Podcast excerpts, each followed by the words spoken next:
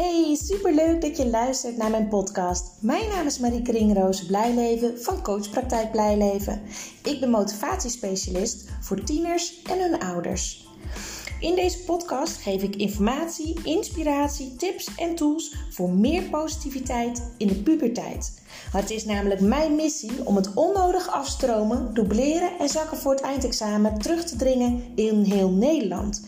Ik weet inmiddels uit ervaring dat als het contact tussen ouder en tiener positief is, dat dat direct effect heeft op het welbevinden en de schoolresultaten van een tiener. Een motivatieprobleem is namelijk een gevolg, geen oorzaak. Enjoy! Hey, goedemorgen. Hierbij weer een nieuwe podcast. En in deze podcast wil ik het graag met jullie hebben over het thema uh, slim zijn. Ik hoor ouders regelmatig zeggen: Mijn kind is slim. En in principe is er niks mis mee natuurlijk met dat je kind slim is. Of dat jij het idee hebt dat je kind slim is. Het is alleen wel zo dat de uitspraak jij bent slim direct invloed kan hebben op het gedrag en op de motivatie van een kind. En ik zal daar even wat meer uh, uitleg over geven.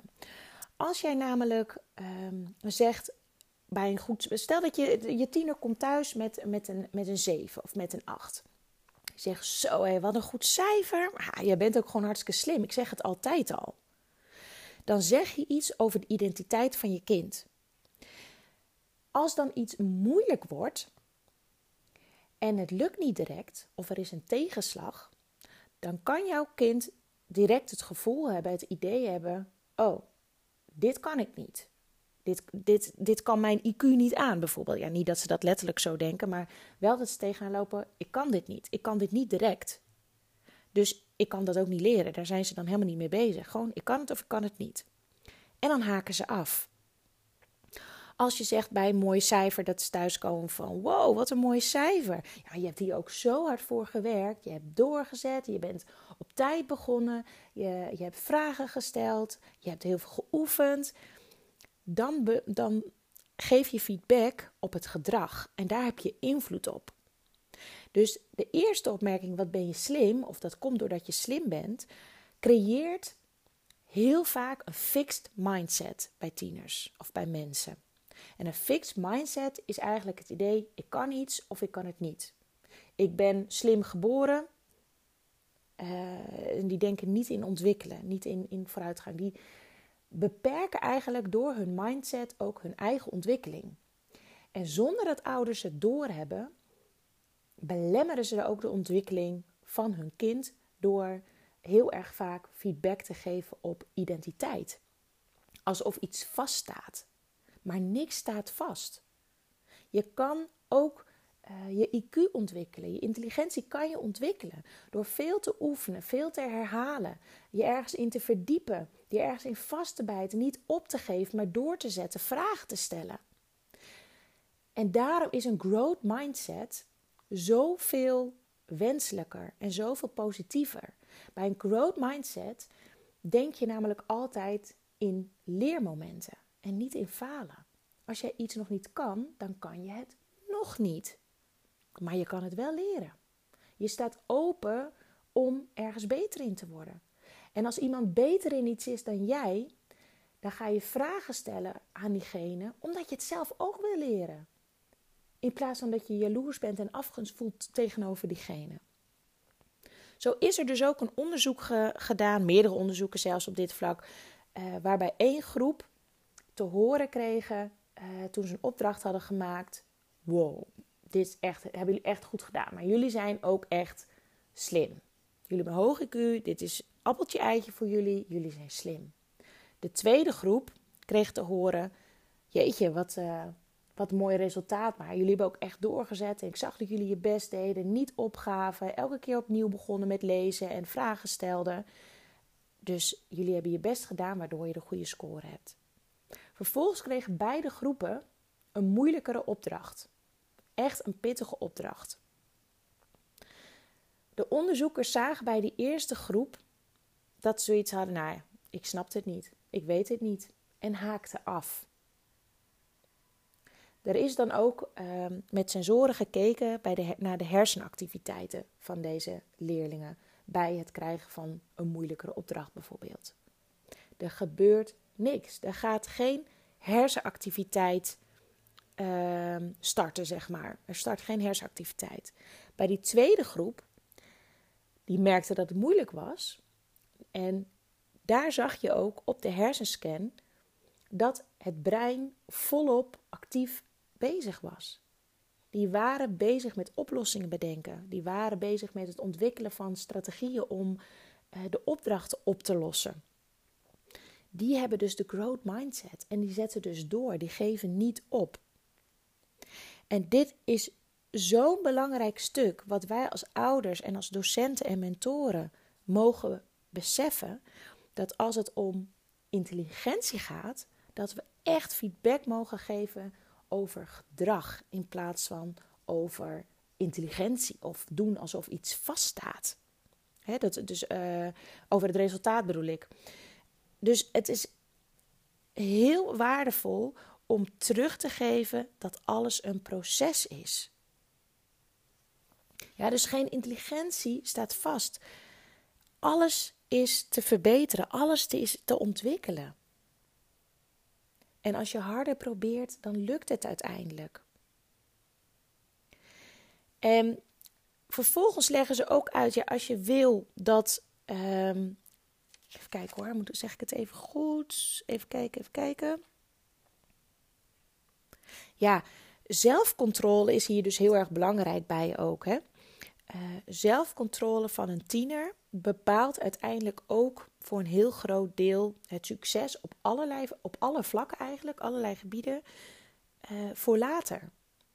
Zelfcontrole zorgt er namelijk voor dat je vriendelijk kan zijn, dat je eerlijk bent, dat je betrouwbaar bent, dat je verantwoordelijkheid voelt en pakt. Als je geen zelfcontrole hebt, dan vlieg je alle kanten op. Qua emoties. Ehm, en, en laat je allerlei, allerlei dingen voorgaan die je leuker vindt, bijvoorbeeld. En in de puberteit is dat natuurlijk iets wat volop ontwikkeld moet worden. Als je de pubers hun gang laat gaan, zitten ze liefst bijvoorbeeld de jongens met name de hele dag te gamen. De meiden vaak filmpjes uh, te kijken of te maken of te Netflixen. Terwijl er ook huiswerk gedaan moet worden. En daar ontstaat natuurlijk ook vaak strijd over tussen de ouder en tiener. Dat gaat over een stuk zelfcontrole leren en zelfcontrole ontwikkelen. Het gaat er dus niet om dat jij vindt dat je, ja, dat gevoel hebben we wel vaak trouwens, maar dat is in principe niet de kern. Dat wij willen dat onze tiener hun best doen voor, uh, voor school, omdat ze goede cijfers moeten halen, omdat dat belangrijk is voor de toekomst. Wat veel belangrijker is voor de toekomst, is het karakter van je kind en de vaardigheden van je kind, zoals onder andere zelfcontrole. En dat vergeten we soms. Dan zijn we zo als ouders gericht op de cijfers die ze behalen, dat alles eigenlijk alleen nog maar om school draait. En ook zelfs ten koste van het positieve contact tussen ouder en tiener. En dat is niet wat je wil. En dat is ook absoluut niet uh, helpend voor de situatie, voor de motivatie, uh, voor, de, voor de sfeer thuis, voor het plezier in het, in het leven soms zelfs. Ik maak hem even wat groter, omdat ik dat echt wel regelmatig tegenkom. Besef hierbij dus dat jouw taak als ouder vooral is om je kind vaardigheden bij te brengen waarmee die verder komt in het leven. En die vaardigheden die je bijbrengt, onder andere zelfcontrole, die hebben ze ook weer nodig om uiteindelijk te kunnen slagen voor hun middelbare school of voor hun opleiding. Dus geef daar de aandacht aan. Bespreek met ze welk gedrag je ziet en wat een mogelijk gevolg kan zijn. Of stel ze de vraag van, joh, ik zie dit gedrag, dit gedrag, als je nou even vooruit kijkt en je blijft dit structureel doen. Hoe denk je dan dat het vervolg eruit ziet? Dus het gaat niet om die cijfers. Het gaat niet om het niveau. Het gaat uiteindelijk om uh, het gedrag en de vaardigheden die jij je kind bijbrengt. Ik had deze week ook een, een mooi gesprek met een, uh, met een tiener en een vader. En die vader zit heel erg bovenop het schoolwerk. Vindt het heel belangrijk dat het kind op dit niveau blijft. En dat is, vaak gaat dit over ouders van, uh, van kinderen die op de HAVO op het of op het VWO zitten. Die zijn heel bang dat hun kind afstroomt naar MAVO. En vaak zeggen ze daarbij: Ik vind het helemaal erg als ze naar kader of basis moeten. En als je dan doorvraagt, gaat het niet in de kern om het niveau van iemand die kader of basis doet, want daar is helemaal niks mis mee. Maar gaat erom dat de ouders een beeld hebben bij, uh, bij scholen, bij, bij uh, groep leerlingen, die basis- en kaderniveau aanbieden. Ouders hebben dan heel vaak de angst dat hun kind afglijdt. Dat ze in aanraking komen met um, ja, verkeerde tieners, laat ik het even zo zeggen. Dat ze aanraking komen met drugs, met drank, met criminaliteit. Dat ze uh, helemaal de verkeerde kant op gaan. Dat is vaak de angst van ouders als ze bang zijn dat hun kind gaat afstromen van niveau. En de tiener zat erbij en die had geen idee dat dit de angst was die erachter zat. Deze tiener die dacht dat de angst van deze vader vooral, of de, de, de reden van deze vader vooral was. Ja, maar mijn vader weet dat ik dit niveau kan. Dus die wil alles eruit halen wat erin zit. En hij heeft vol de vertrouwen in dat ik dit niveau aan kan. Ja, maar dat is niet de kern ehm, van, de, van, van, de, van zijn gedrag. De, de kern van de reden van zijn gedrag. En soms vinden we dat we daar niet over mogen praten. dan zeggen we dat niet hardop. Zeggen we alleen van kom op, doe wat je kan. Je kan veel meer dan dit. Maar er zit altijd een reden achter.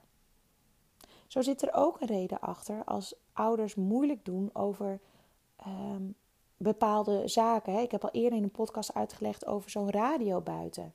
Ik sprak laatst ook iemand die vertelde, een ouder die had heel veel moeite met uh, de dochter die dan verkering uh, of kreeg, of, of in ieder geval meer bezig was met jongens nu. En had echt ook de leeftijd om daar volledig mee bezig te zijn.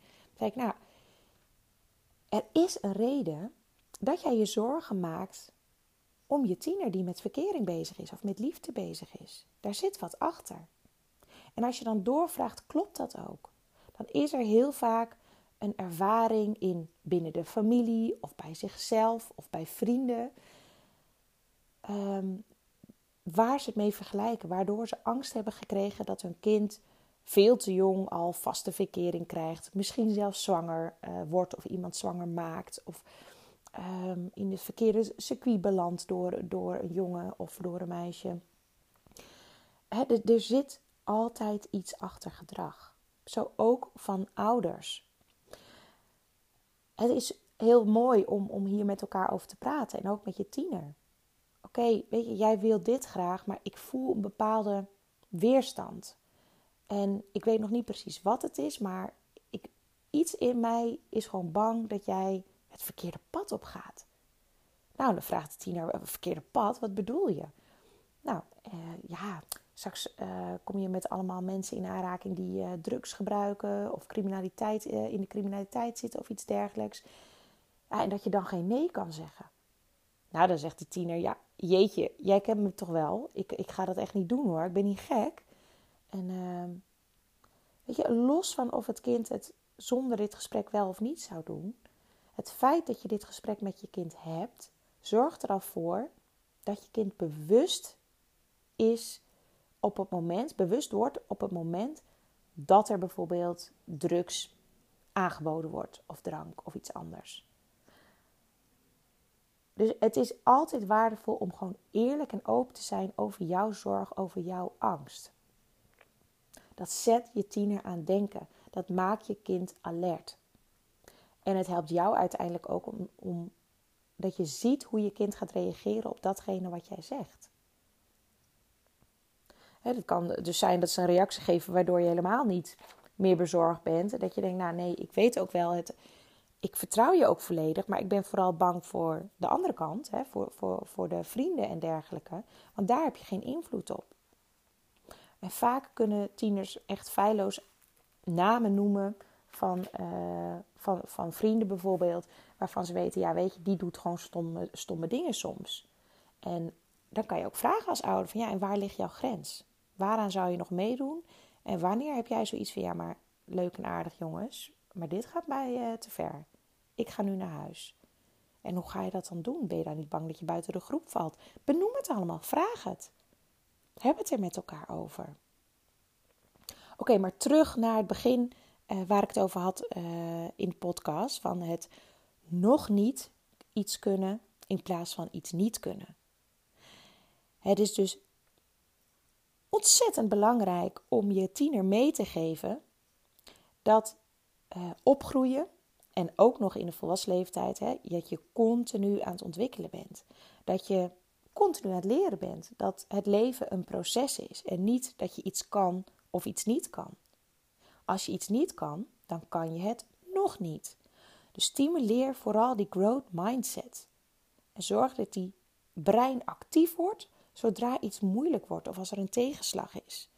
Dus dat ze niet het gevoel hebben dat ze falen, maar dat ze juist weer beseffen als ik doorzet, als ik hulp vraag, eh, als ik het nog een keer doorlees, nog een keer haal, filmpjes opzoek met andere uitleg en het lukt, dat ze zich dan alleen maar uh, fijner gaan voelen. Dus prijs de werkwijze. En dat zorgt namelijk voor hele uh, zelfverzekerde tieners, kinderen. Ze zullen veel meer uh, inzet tonen, veel meer betrokkenheid tonen, veel meer doorzettingsvermogen ontwikkelen. Dus het is uiteindelijk zorgt het, zorgt het voor veel meer, um, ja, veel meer succes. Ook in, in de toekomst. Als jij namelijk continu denkt, ja, ik kan dit niet, ik kan dit niet. Of ik ben bang dat ik het niet kan, dus ik, ik begin er niet eens aan. Dan, dan stop je ontwikkeling op een bepaald vlak. En dat is zo ontzettend zonde. En misschien herken je het van jezelf ook wel. Ik herken het namelijk van mezelf ook. Toen ik ehm, net afgestudeerd was aan de ALO, de Academie Lichamelijke Opvoeding, vond ik dat ik in alle sporten rete goed moest zijn. Nou, naar mijn idee kan dat helemaal niet. Je kan wel van alles wat weten, maar je kan niet in alles heel erg goed zijn. Dus als ik dan uh, studiedagen had, of, of uh, ja, met allemaal lichaam, met, allemaal LO-docenten, zeg maar, een, een, studiedag, was het ook heel vaak met praktijk. En ik ben gewoon niet een megaster in balsporten. Ik vind het wel leuk, maar ik, als ik moet kiezen tussen uh, turnen en balsporten, dan kan ik veel beter turnen. Wat deed ik dan? dan? Dan ging ik liever niet naar die studiedag, dan dat ik erheen ging en mee moest doen en de kans liep dat ik niet de beste was, bijvoorbeeld. Dus ik ging niet naar die studiedagen toe, of ik ging wel heen en, en gaf aan dat ik een blessure had of iets dergelijks, om maar niet uh, voor mijn gevoel door de man te vallen. En het slaat natuurlijk helemaal nergens op, want je doet die dingen om het uiteindelijk door te kunnen geven aan je leerlingen. Je hoeft niet in alles het beste te zijn. Ik heb dat heel lang wel gehad, die fixed mindset. Ben ik er niet heel goed in, dan doe ik het niet. En daar heb ik zo'n enorme shift in kunnen maken. Ik weet eerlijk gezegd niet precies meer welk moment dat was. Ik weet wel dat um, sinds mijn eigen bedrijf dat ik er sowieso geen last meer van heb. En ik ben ook aangesloten bij BNI. Dat is een Business Network uh, International. Dus dat is een, een, een ja, netwerk die elke week met elkaar ontbijt. Een groep, een vaste groep. En daar komen dan gasten ook, uh, ook uh, op bezoek en dergelijke. En daar pitch je elke week. En nou ja, dat is echt, voor mij was in het begin heel spannend om heen te gaan. Ik dacht, oh, dat zijn allemaal uh, directeuren van grote bedrijven. En daar, daar kom ik dan aan als Marieke. En ik ben gewoon mezelf. Nou ja, weet je, het was zo'n andere ervaring dan dat ik voor ogen had. Zoveel positiever en ja, eigenlijk een warm bad waar je in terecht komt. En BNI staat ook heel erg voor een leven lang leren. En het is gewoon een heel mooi concept. Je hebt allemaal verschillende uh, functies ook binnen BNI. Zo heb je een chapterdirecteur, een, een uh, lidmaatschapscoördinator, een secretaris penningmeester. Uh, je hebt bezoekershost, mediacoördinator. Je hebt van allerlei functies en taken. En elk half jaar um, krijgt iemand anders die taken, zeg maar. Dus iedereen die net begint met die taak, die moet er even inkomen, die moet even wennen, die moet bepaalde dingen leren. Uh, je moet leren bepaalde dingen los te laten, te coördineren. ehm, goed op tijd aan te leveren enzovoort. Het is voor iedereen een leerproces. En iedereen van BNI weet dat ook. En het is ook helemaal oké als jij in het begin nog eventjes een beetje zoekende bent. Je hoeft dus niet het idee hebben dat je, dat je faalt, maar je bent bewust van: oké, ik ben iets nieuws aan het leren. Voor mij is dat zo'n eye-opener geweest, ook dat hele BNI. Van jeetje, ja, hier kan je gewoon alles oefenen, wat je ook weer in je business kan toepassen. Dat als jij op een duur personeel onder je krijgt, bijvoorbeeld, of naast je, het is maar hoe je het wil bekijken, dan kan je al bij BNI oefenen, leren, uh, wennen aan wat dan erbij komt kijken. Dus ik heb zelf zeker wel die ervaring van die fixed mindset en dingen uit de weg gaan en alles om maar in je comfortzone te blijven. Ik denk eerlijk gezegd, door mij, doordat ik ondernemer ben geworden, dat ik daar volledig vanaf ben gekomen. Want als jij een fixed mindset hebt als ondernemer, denk ik dat je het niet gaat redden met je bedrijf. Je moet echt uit je comfortzone stappen. Je moet echt nieuwe uitdagingen aangaan. Je moet echt blijven leren. En daarom vind ik het ook super tof om deze podcast te maken. En af en toe is het echt wel even zoeken, omdat ik gewoon continu waarde wil, wil delen. En niet wil terugvallen in, in zelfde verhalen bijvoorbeeld. Maar ik luister zelf heel veel podcasts, veel luisterboeken. Ehm, ik lees heel veel. Uh, ik, ik ga veel naar cursussen en opleidingen. Continu om zelf te blijven leren. En alles wat ik denk, oh ja, dit is zeker weten herkenbaar voor ouders van tieners. Deel ik dat in mijn podcast. Dus deze podcast die helpt jou als ouder of als docent. Maar helpt mij ook om scherp te blijven. Omdat ik alles wat ik aan het leren ben, in mijn eigen woorden weer wil doorgeven aan jullie. En ook in mijn praktijk uiteraard. En dit is een, een super waardevolle les om ook aan je kind en je leerlingen mee te geven. Je kan het nog niet, maar je kan het wel leren. Bedankt voor het luisteren en ik wens jullie een heel goed weekend. En tot maandag. Doei doei!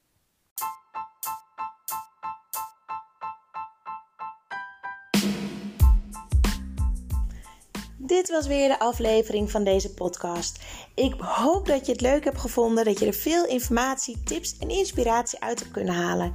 Ik ben ontzettend benieuwd wat jij van deze podcast vond en wat je eruit hebt gehaald. Want ik neem ze op, maar ik wil heel graag weten hoe het is voor jou als luisteraar om dit allemaal te horen. Wil je mij dat laten weten via een persoonlijk berichtje? Dan vind ik dat hartstikke leuk. Wil je andere ouders motiveren, stimuleren? En inspireren met deze podcast, deel het dan op social media. En wil je mij contacten? Dat kan via www.coachpraktijkblijleven.nl. En wie weet spreken we elkaar snel. Fijne dag!